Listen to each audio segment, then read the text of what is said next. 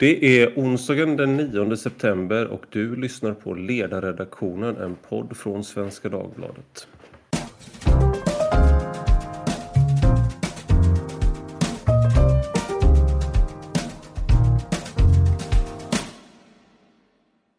Jag heter Ivar Arpi och idag ska vi prata om gängskjutningar och Operation Rimfrost bland annat. För det har kommit en ny rapport som är skriven av Stefan Holgersson och Johannes Knutsson som är polisforskare. Och de har bland annat analyserat Operation Rimfrost som startades för att komma, komma till rätta med gängskjutningar men har inte sett att den har haft någon nämnvärd effekt. Och med mig för att prata om det här och för att prata om vad man kan göra istället har jag Johannes Knutsson, en av författarna. Du är professor emeritus i polisforskning. Välkommen! Tack för det! Rapporten jag har skrivit eh, som kom i måndags den, den är ju delad i två delar och vissa delarna är skrivna av, av Stefan och vissa av dig. Men den, de delarna som är skrivna av Stefan, där går han, Stefan Holgersson, så går han ju igenom just de här olika satsningarna som man har haft mot gängen och mot eh, organiserad brottslighet och Operation Mareld och, eh, och nu senast Operation Rimfrost. Och kan du bara kort summera vad är det ni hittade eh, när, när ni gjort den här? För om man läser, vi som befinner oss på utsidan av polisen och, och, och läser artiklar om det så har det ju varit eh, en del kritik men man läser ju också om att det har varit ganska lyckat åtminstone enligt polisen själva. Ja, och det är det som är problemet bland annat, att det är ju enligt polisen själva. Lite förenklat kan man säga att utan att göra någon analys egentligen så eh, jobbar man bara på med, med att försöka eh, rikta lite mer resurser gentemot det här och eh, med, med lagföringar och brottsbeivring. Och så har man som någon slags mått på att man varit framgångsrik, hur många brott man, man lyckas uppdaga, hur många man eh, griper eh, och, och eh, så tar man ange det utan att ange hur det var innan man satte igång med den här eh, aktionen. Och framförallt är det inte fråga om någon slags effektmått. Utan det, det är någon form av, av verksamhetsstatistik som man redovisar rakt upp och ner. Och utan jämförelse med hur det var tidigare. Och det, man, ni citerar en polischef i Uppsala som är numera en av Sveriges, eller om det är den mest skjutningstäta staden i Sverige. Det, det, ändras väl lite då och då men den har varit väldigt högt upp där. Som sa att man skulle vara som en, polisen skulle vara som en sovjetisk stridsvagn som inte slutar rulla fram förrän man har nått Berlin. Eh, och det är ju väldigt drastiska ordalag och det syftar väl till att eh, eh ge, liksom, att man ska känna förtroende, att polisen är målmedveten, att man kommer krossa gängen och nu äntligen nu gör vi det här. Eh, vad är risken? För det blir någonting när man läser då hur ni går igenom, när ni går igenom det här och man ser att det inte har lett till eh, någon större ändring utan tvärtom. Samtidigt som man sa att det var en framgång i Uppsala så hade antalet gripanden gått ner lite. Eh, vad är, man, blir, man känner sig nästan lite sviken när man läser det då. Nej, alltså jag, jag, blir ju, jag blir ju upprörd över den här krigsretoriken man kör med. Det, det är ju genant att polisen använder sig av den här formen av, av, retorik. Det är ju för fan inte ett krig som polisen håller på med. Det är ett, ett väldigt allvarligt samhällsproblem som polisen ska försöka lösa. Då ska man inte hålla på med, med sånt där. Och framförallt ska man, ska man inte eh, ta och, och ropa hej i förtid som man gör. Man säger att vi har varit jätteeffektiva och sedan så efter ett tag så inser man att nej det var man inte alls. Eh, och jag menar, eh, till exempel någonstans så säger man att vi har en väl dokumenterad förmåga att förebygga skjutningar och den har blivit bättre. Och det här har vi nu löst inför framtiden. Det är bara tomt prat. Varför säger man om... För, för då man då...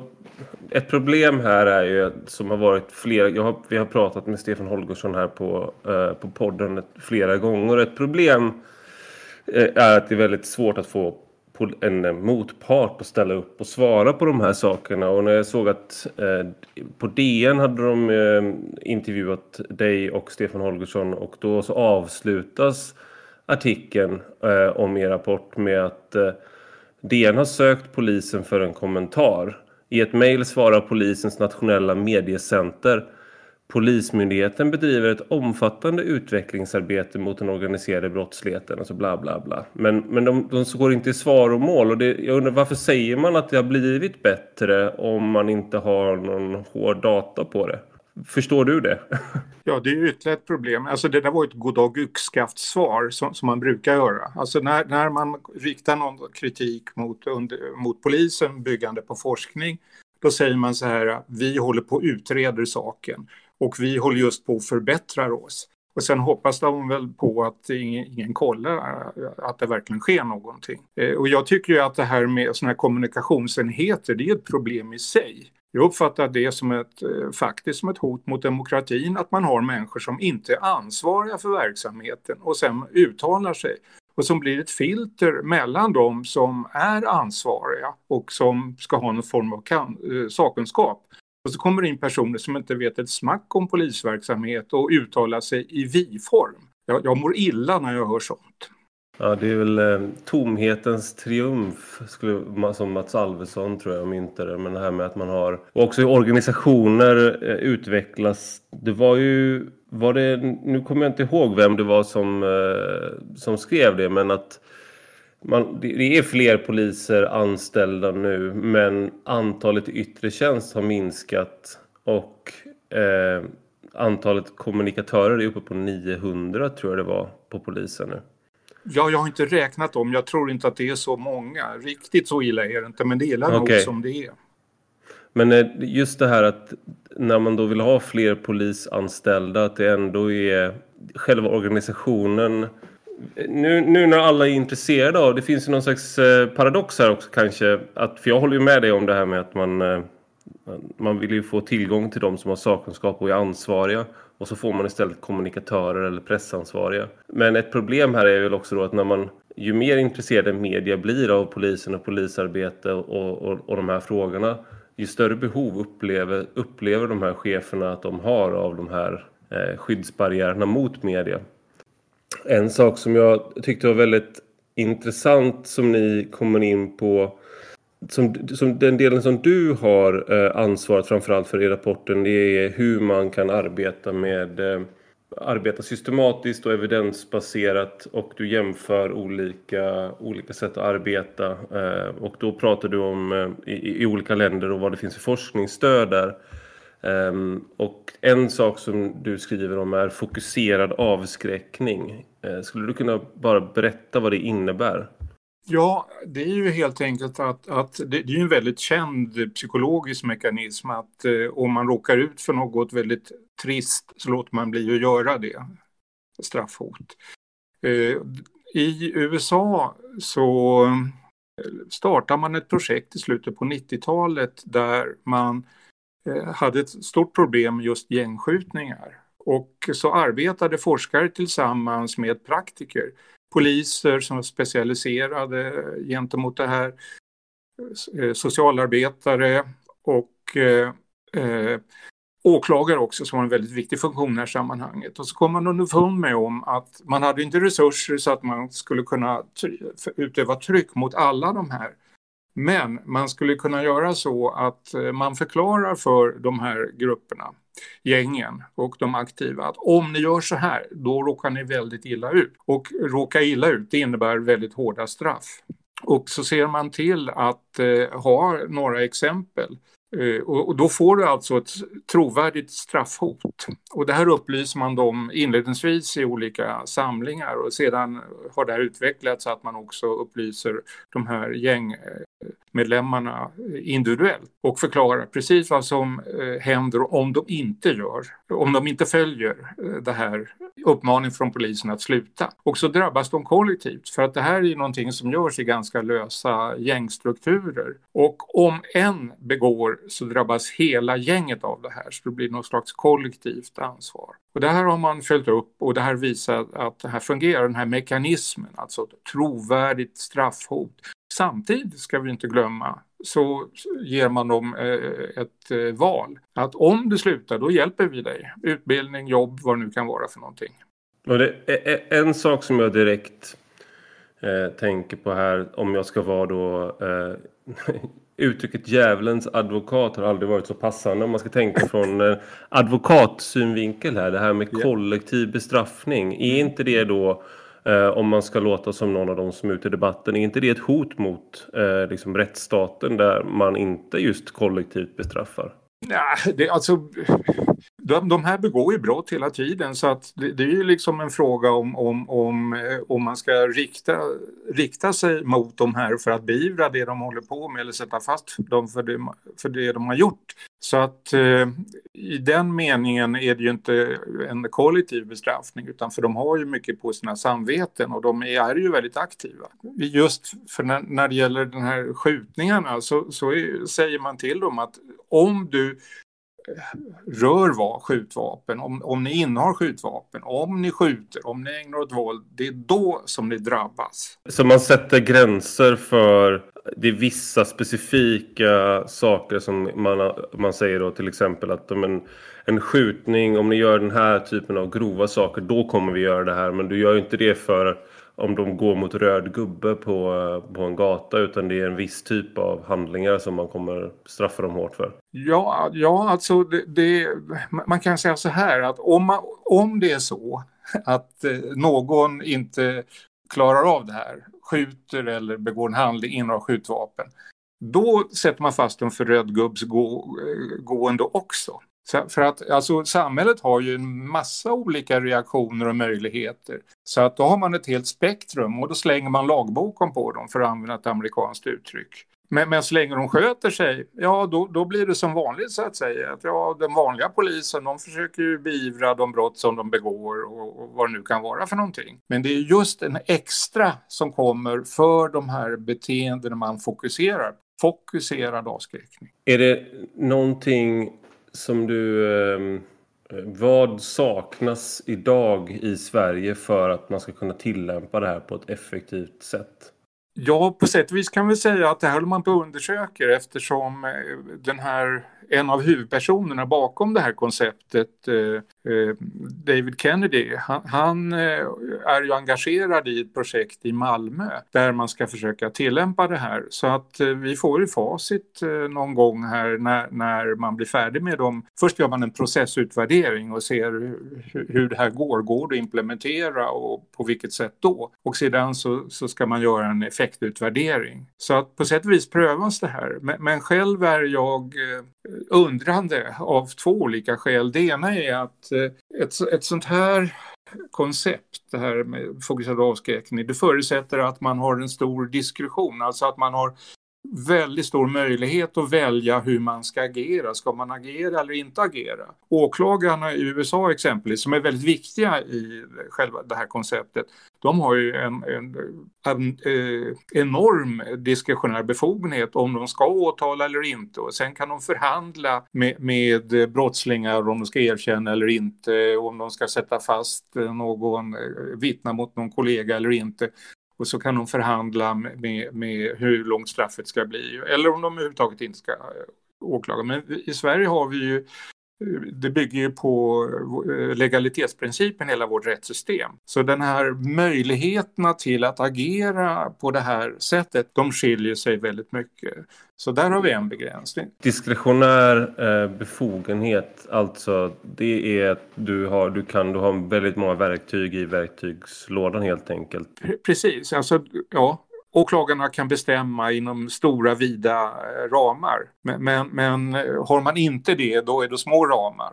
Eh, en risk då om man skulle försöka med det här i Sverige, du ska säga till om, om man idag, så om vi bara från en dag till en annan skulle börja med det här utan att man eh, gör en tillräckligt stor utvärdering. Man bara direkt översätter och tänker nu börjar vi fokusera och sen ska man hota då med om ni gör det här så kommer det här hända och sen så har man inte tillgång till Kronofogdens befogenheter. Du har inte tillgång till eh, andra delar av eh, rättskedjan eh, så du kan inte göra... Är det, är det, är det något på något sånt sätt som du skulle kunna stupa i Sverige då? Att du egentligen inte kan göra det du vill göra? Nej, det är ju det att, att eh, till exempel polisen har en absolut anmälningsplikt. Så, sådana här saker kommer in. Men, men jag gissar då att, att vi får, kommer få ett svar det, eh, det, är ju Malmö universitet, kriminologiska institutionen, som gör en utvärdering, processutvärdering. Så jag är ju otroligt nyfiken naturligtvis på den. Men sen har du andra problem. Ett problem är ju också eh, hur eh, påföljderna. I USA exempelvis, eh, om man väljer att gå, för du kan välja olika vägar också, det ingår i det här diskretionära. Om, om du går den federala vägen, då är det hårda straff plus att federala fängelser är riktigt, riktigt eh, otrevliga. Eh, och eh, om du till exempel blir påkommen med ett skjutvapen, det är fem år. Om du blir, eh, blir definierad som en, eh, som en vanebrottsling som använder skjutvapen, då är det 15 år. Och det finns ingen chans till villkorlig frigivning. Och ett väldigt otrevligt fängelse väntar på dig. Eh, och det ska då jämföras med, med eh, det man kan få i Sverige, och särskilt de yngre brottslingar. Så det, det är också frågan om, om, eh, ska vi säga, dels trovärdigheten i hotet men också hur, hur starkt hotet är. Är det avskräckande eller inte? Sen kommer ju andra saker in här. I, eh, man försökte ju bygga upp ett motsvarande projekt i Manchester i, eh, i England. Och eh, hela de, det här projektet, hela tankarna, det utvecklats inom eh, en eh, särskild eh, filosofi som heter problemorienterat polisarbete som egentligen är en aktionsforskningsmodell. Och den bygger ju på att man börjar med att göra en mycket, mycket noggrann beskrivning av problemet, hur det gestaltar sig. Och den här, den här eh, beskrivningen då, den kan ge anvisningar. Var har vi olika möjlighet att gripa in i det här? Ehm, och eh, i England då så började man ett sånt här projekt där man hade väldigt stora problem med gängskjutningar i Manchester eh, och anlitat två seniora, alltså jag känner ju bägge de här forskarna, en är den, den främste inom det här gebitet i England. De fick sex månader på sig för att kolla förutsättningarna för att göra det. Så det är ingenting man snyter fram ur näsan rakt upp och ner utan det här bygger på att du skaffa dig en beskrivning av problemet som det gestaltar sig. Men sen gäller det också att få genomslag för den här filosofin. Det som hände i England var ju att de här tankarna att man kan, att man kan få människor att avhålla sig från att begå brott, att välja bort brott och istället eh, ägna, ta emot erbjudanden om vård. Det strider ju mot eh, många av de ideologier som kännetecknar till exempel socialarbetarkåren. Så vad som hände i England då, jo förutsättningarna fanns, man skulle kunna köra någon, någon anpassad variant av fokuserad avskräckning i England. Men de som skulle utföra det här, de började arbeta med traditionella socialarbetarmetoder istället. Så att det följer platt till marken det där projektet. Så det är ju också ett hinder då med, med olika eh, tankemönster som kommer in och som, som är stängda för, för den här formen av tänkande. Att det går faktiskt att få människor att avhålla sig från brott genom straffhot. Jag menar de svenska kriminologerna med de här Stockholmskriminologerna i spetsen, jag säger inga namn, de säger ju att det går inte. De säger att, att eh, de här eh, låter sig inte avskräckas, de här ungdomarna.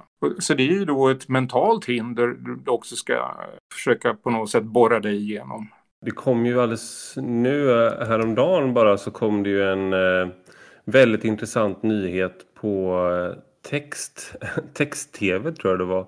Där man hade utvärderat i Danmark. Vad var det som hände där egentligen? Varför varför har antalet gängskjutningar sjunkit? Och så läste man lite längre ner på i det här och så avslutningsvis då så stod det att ja, men de, att man, anledningen var att man hade fått ner eh, eh anledningen till att man hade fått ner gängskjutningarna var att man hade högre straff helt enkelt. Det var en stor del i det. Eh, och det går ju rakt emot eh, den här liksom, för det har ju funnits en konsensus nästan i, i någon slags mediekluster som jag väl själv eh, delvis ingår i. Ehm, eh, men det var, man började med det här det man kallar i Danmark för bandepacken. Det här, och band, band är ju gäng på danska då. Eh, och så här, det här var, det här är det TT skriver. Vid förra årsskiftet var antalet nere på 1133 personer som eh, är gängkriminella i Danmark. Eh, och det är då en minskning med mer än 600 personer på sju år.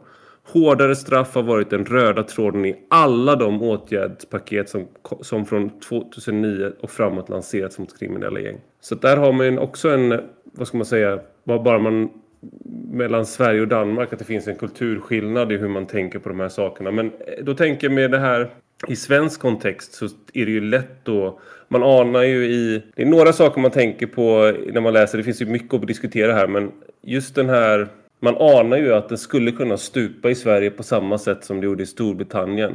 Det finns ju sådana här exempel eh, när polisen eh, liksom arresterar en, eh, en ung person, till exempel ett marockanskt gatubarn eller liknande. Och sen så, måste, så är det socialen som ska ta hand om det och släpper ut dem direkt igen. Att man har, socialen har ett helt annat formulerat uppdrag i Sverige, eller, och det har de ju alltid, än vad polisen har. Och de två mixar inte, de blandas inte särskilt väl. Så då när du har att göra med de här gängbrottslingarna. Eh, det kan man ju se med de här dödspatrullen och, och Shottaz, de här gängen i Stockholm som, som eh, skjuter varandra. Och eh, de som var involverade i den här eh, rättegången i Danmark nu nyligen för dödsskjutning där. Att utvärderar man, när man har gjort utvärderingar på de individerna då kan man ju se att där har man ju tömt ut de sociala insatserna för länge sedan. Men de är fortfarande ganska unga eh, och då kan man ju tänka sig att det krävs ett nytänk kring de här sakerna. Men, men om man läser er, er, det du skriver så känns det ju som att den här, det här exemplet från Manchester stämmer i alla fall till eftertanke.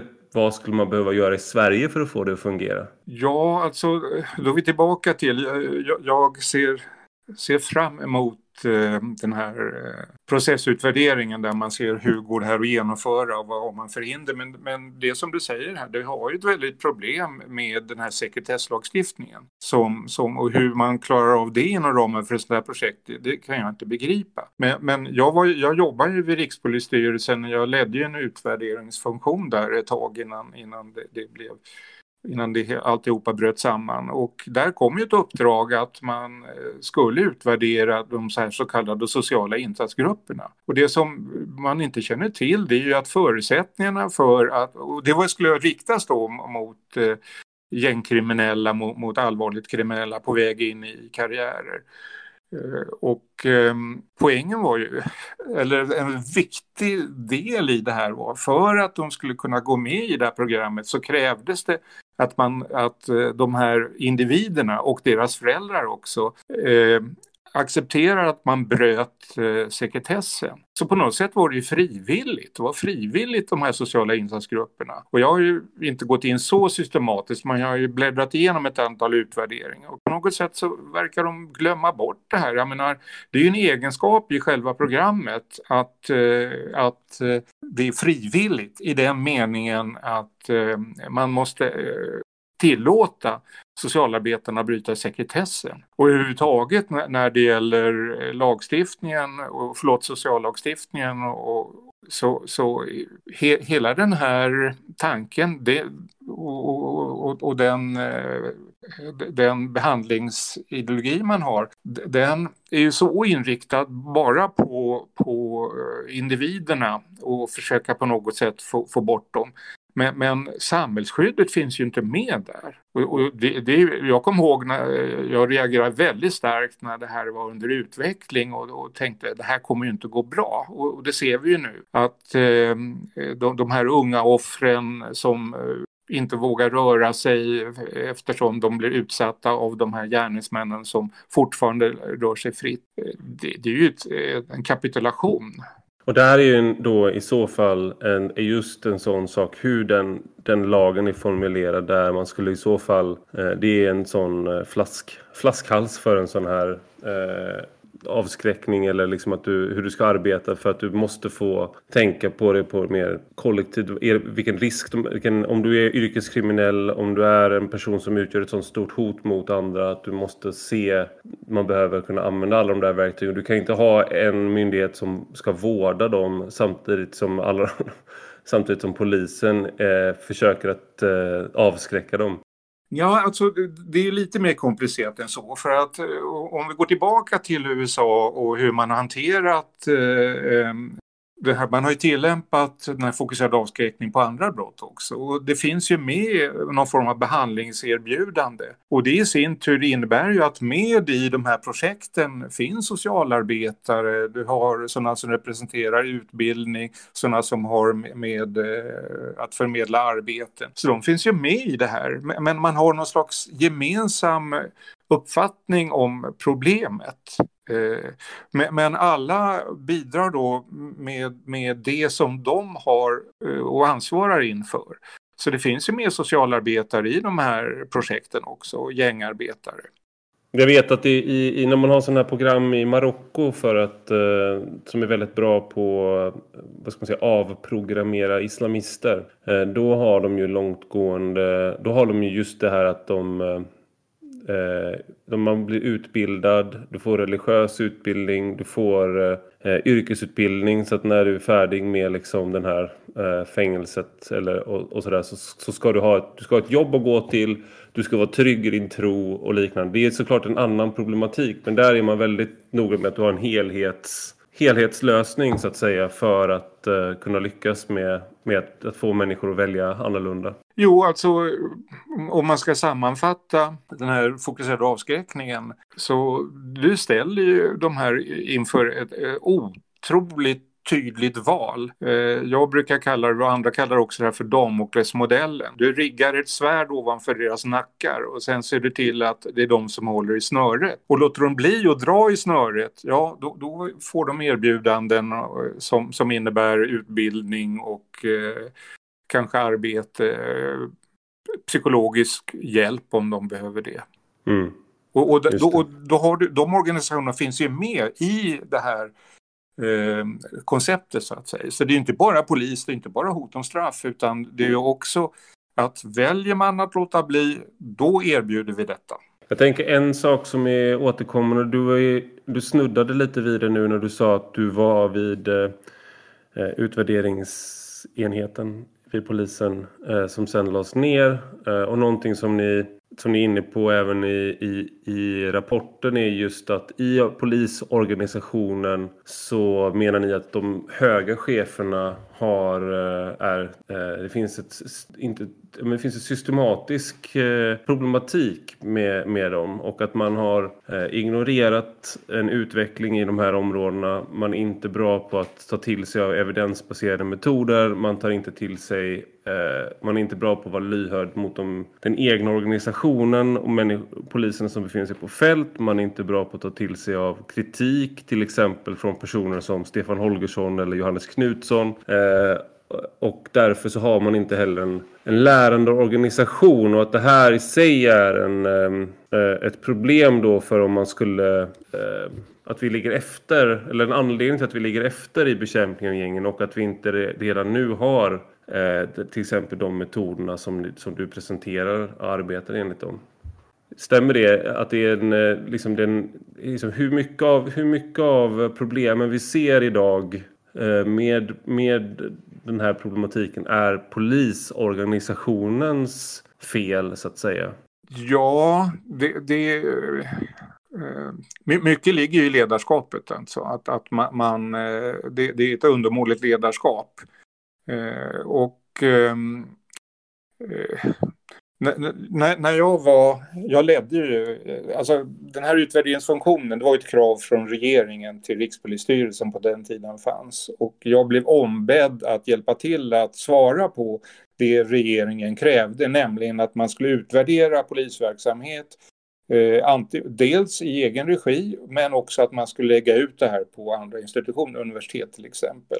Och he hela tanken är ju då att man, man, skulle leva upp det här med evidensbasering. Eh, och eh, som ett led i det där så, så anställde jag en organisationspsykolog, eller såg till att en organisationspsykolog blev anställd för att titta på tillståndet i organisationen och hon gjorde ett antal undersökningar. Och det är bland annat där det framgick att eh, arbetsfilosofin, det, det, är en auktoritär hierarkisk arbetsfilosofi och den går ju inte ihop med, med att vara en lärande organisation. Sen gjorde hon ytterligare en undersökning där hon använde sig av ett testinstrument som är väl etablerat och auktoriserat. Och det som var så intressant med den var att då fanns det ett jämförelsematerial också med chefer från andra organisationer. Och eh, så då kunde hon jämföra eh, chefer från andra offentliga organisationer och från, från det privata näringslivet och polisen.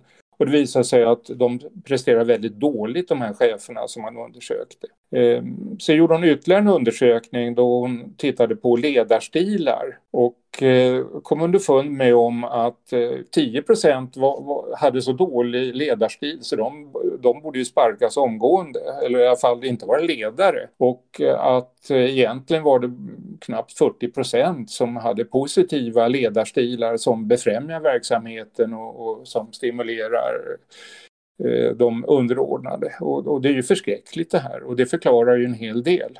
Och vilket år var det här? Ja, eh, de här undersökningarna de går tillbaka till början av 2000-talet men, men eh, hon gjorde en förnyad datainsamling eh, från 2018 om jag inte missminner mig. Och som, som, det är inte publicerat ännu men det pekade inte på no, någon stora skillnader. Så det, det är ett förskräcklig situation vi har. Och titta nu på, alltså jag har ju följt eh, svensk polis och utvecklingen i 40 år faktiskt. Jag tog mitt första uppdrag åt Rikspolisstyrelsen 1976.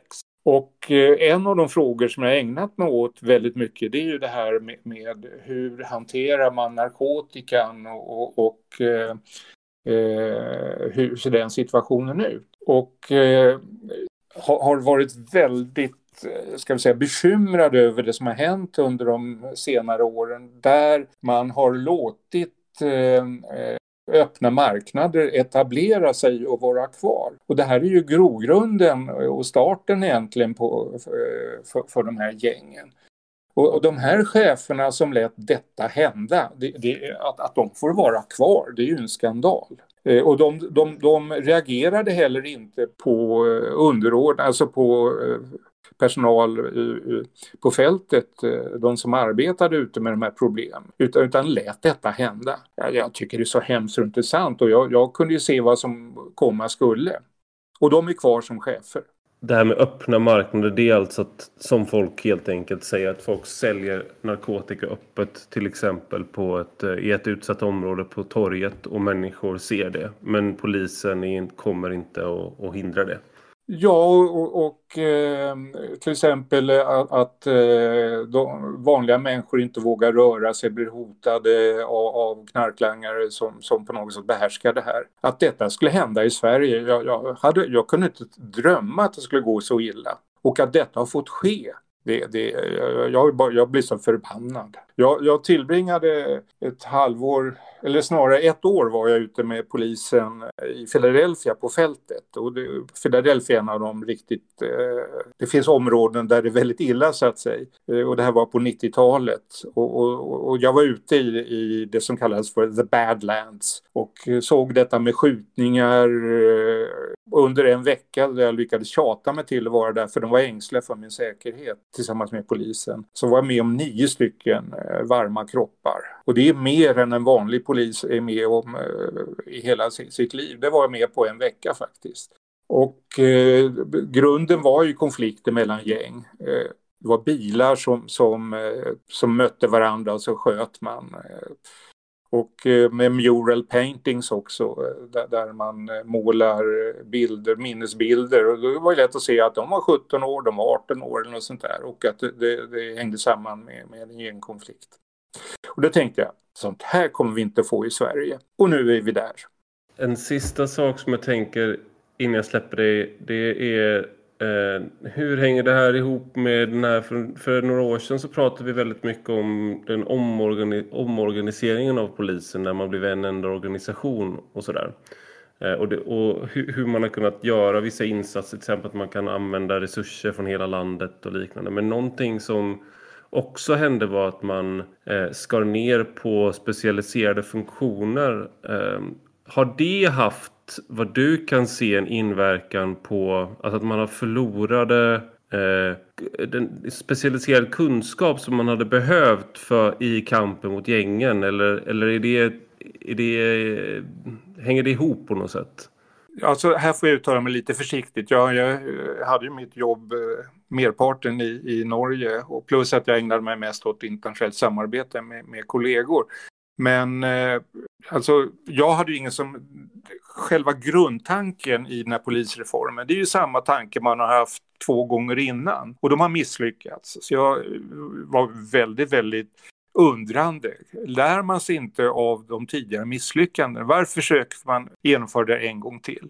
Och sen hittar man på något koncept här med, med eh, medborgarlöften eh, och, och Eh, poliserna ska arbeta mot det och jag kan inte begripa det där. Och, och, och själva modellen bakom det, det är ju någon slags community policing-koncept som, som man, man, försöker att tillämpa och det vet vi att det, det är inte särskilt effektivt. Så att, så att mina förväntningar var lågt ställda och, och, och, jag kan inte se att, att det kommer ut så mycket gott ur det här inte. Till sist då, eh, nu när man ändå har en, en eh, polisforskare på tråden så tänker jag om du skulle säga några får säga några insatser här och förändringar eh, som, som skulle kunna vara verkningsfulla i den här kampen mot gängen och mot skjutningar? Vad är det liksom, vad, vad är högst upp på din önskelista så att säga? Ja, det, det är ju, det är ju, alltså det, det, det, kan ju låta som jag är någon slags eh, ovän eller eh, fientligt inställd till polisen. Det är inte sant. Jag är en stor polisvän. Det är därför som jag har ägnat hela mitt yrkesverksamma liv åt det här. Ehm, så, och, och det, det finns ju väldigt mycket goda krafter. Då måste man ju se till att de får spelrum. Eh, sedan så gäller det ju alltså att, att som, som, vi, ett av huvudbudskapen i vår undersökning det är ju att polisen måste, måste förbättra sin analytiska förmåga. Och Eh, det är, där, det är där det brister. Jag menar det här man har gjort nu med Rimfrost och alltihopa, det, det kan man sammanfatta med, med, eh,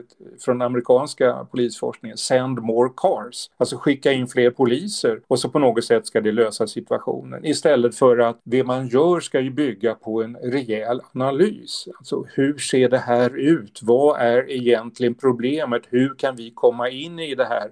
Och vilka samarbetspartner behöver vi för att vi ska kunna göra någonting åt det här istället för att skicka ut en massa poliser. Det var ju patetiskt det här till exempel i infröst i Malmö där, där man, man, hade satt ihop en lista med, med, ett par hundra som skulle in, alltså man skulle gripas, man skulle använda sig av tvångsmedel gentemot dem. Och, och så tog man och, och, och satsade resurser, att man avdelade poliser, skickade ner poliser till Malmö som skulle jobba med det här. Men så var det några mer kloka eh, personer som satte sig ner och funderade funderade på, ja men finns förutsättningarna för att vi ska kunna använda tvångsmedel? Av den här listan på, om jag minns rätt, var 300 personer, så en, säger en, eh, var kriterierna uppfyllda för att man skulle kunna göra det här. Jag menar, det, det säger väldigt mycket.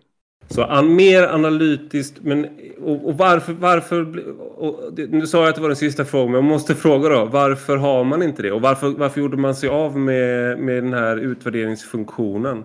Ja, det, det, är ju, det är ett kapitel i sig. Alltså jag tror att det hängde samman med, med de, de, det, den erfarenhet jag fick där när jag jobbade vid eh, Rikspolisstyrelsen och förestod den här enheten. Det var att jag tror att människor kände sig hotade.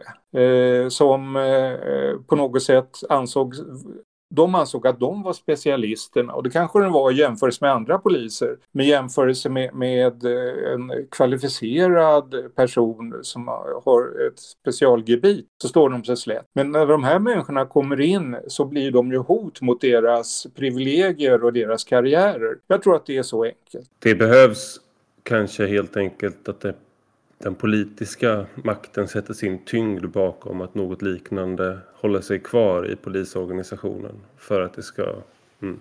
Ja, jag, blir, alltså jag är lite förvånad över att eh, den här utvärderingen, om vi tar den då, som är nämnd som ett exempel här, att eh, här kom det ett krav från regeringen och, och själva den här funktionen den byggdes ju upp så att, att eh, det, man skulle kunna eh, vara säker på kvalitet och på integritet. Men det dröjde bara sex månader så, så uh, satte man kniven i det här. Och uh, jag är förvånad över att, att och sen bara liksom löste sig hela upp, löstes upp och, och rann ut i sanden och blev ingenting av det hela. Att, borde man inte från regeringshåll tycka att va, vad håller ni på med? Ni har ju sagt att, att vi har givit ett uppdrag till er och så struntar ni i det och så går de i land med det. Och, och jag tycker ett problem... Vem, är vem, var, vem var rikspolischef då? Det, det var um, uh, Bengt Svensson. Okay. På, på den tiden. Men, men alltså ett problem är ju att politikerna de har för dåliga insikter om polisverksamhet. De ägnar sig åt enkel överbudspolitik. Vi borde ha politiker som satte sig ner och verkligen försökte sätta sig in i det här och utöva ett starkt tryck mot polisen. Det är vad vi behöver. Och inte bara som eh, engage har engagemang, jojo-engagemang som eh, vice eh, rikspolischef sa häromdagen. Eh, men eh, jag tror att vi får avsluta där. Det här är ett sånt ämne man kan prata hur länge som helst om. Eh, men eh, stort tack för att du var med idag Johannes Knutsson. Okej, okay, hoppas fick du något vettigt av det. Och stort tack till dig som har lyssnat och eh, gå hemskt gärna in på iTunes och och eh, betygsätt vår podd för att ge oss respons för då vet vi hur vi ska bli bättre. Eh, och om ni inte vill det så kan ni alltid mejla oss på ledarsidan snabel svd.se. Tack för idag.